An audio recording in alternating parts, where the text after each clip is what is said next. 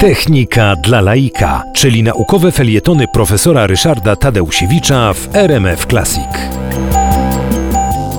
Przezwyciężenie bariery, jaką było utrwalanie obrazów nieruchomych na, na, różne sposoby, e, malarskie, ale potem także i fotograficzne, a przejście do obrazów ruchomych, czyli właśnie tego, co dzisiaj nazywamy filmem, było procesem dość trudnym.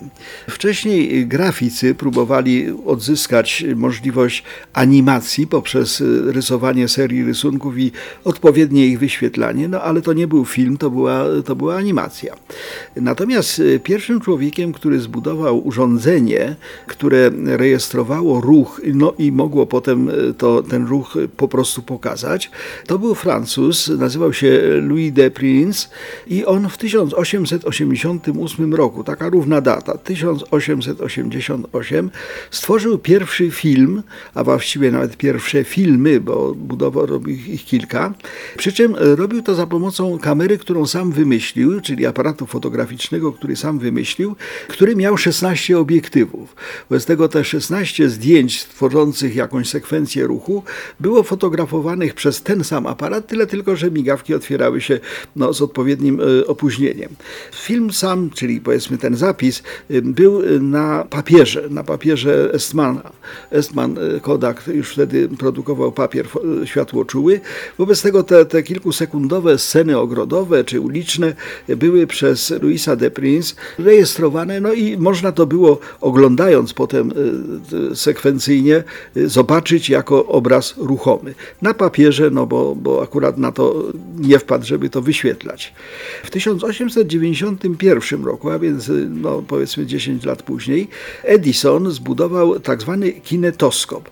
Właściwie jak oglądamy współczesne wynalazki, to prawie wszystkie gdzieś tam mają u swoich korzeni, u swoich źródeł Thomasa Alva Edisona, człowieka, który miał no, ponad tysiąc patentów. Kinetoskop wymyślony przez Edisona był urządzeniem e, właściwie no, zarówno rejestrującym obrazy, jak i wyświetlającym obrazy.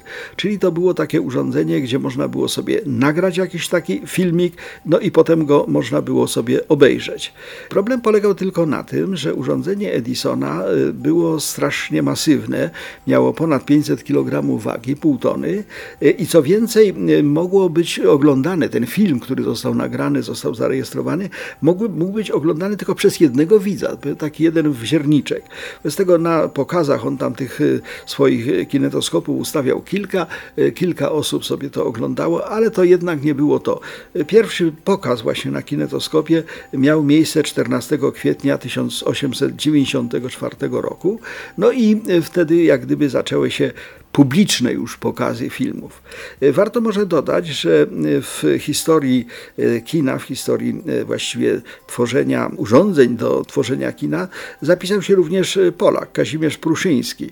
On w 1894 roku wynalazł takie urządzenie, które nazwał pleografem i które też było rodzajem kamery. Ale to wszystko były próby nieudane. Wobec tego o rzeczywistym początku kina będziemy mogli mówić dopiero od braci Lumière, premier, ale o nich w następnym odcinku.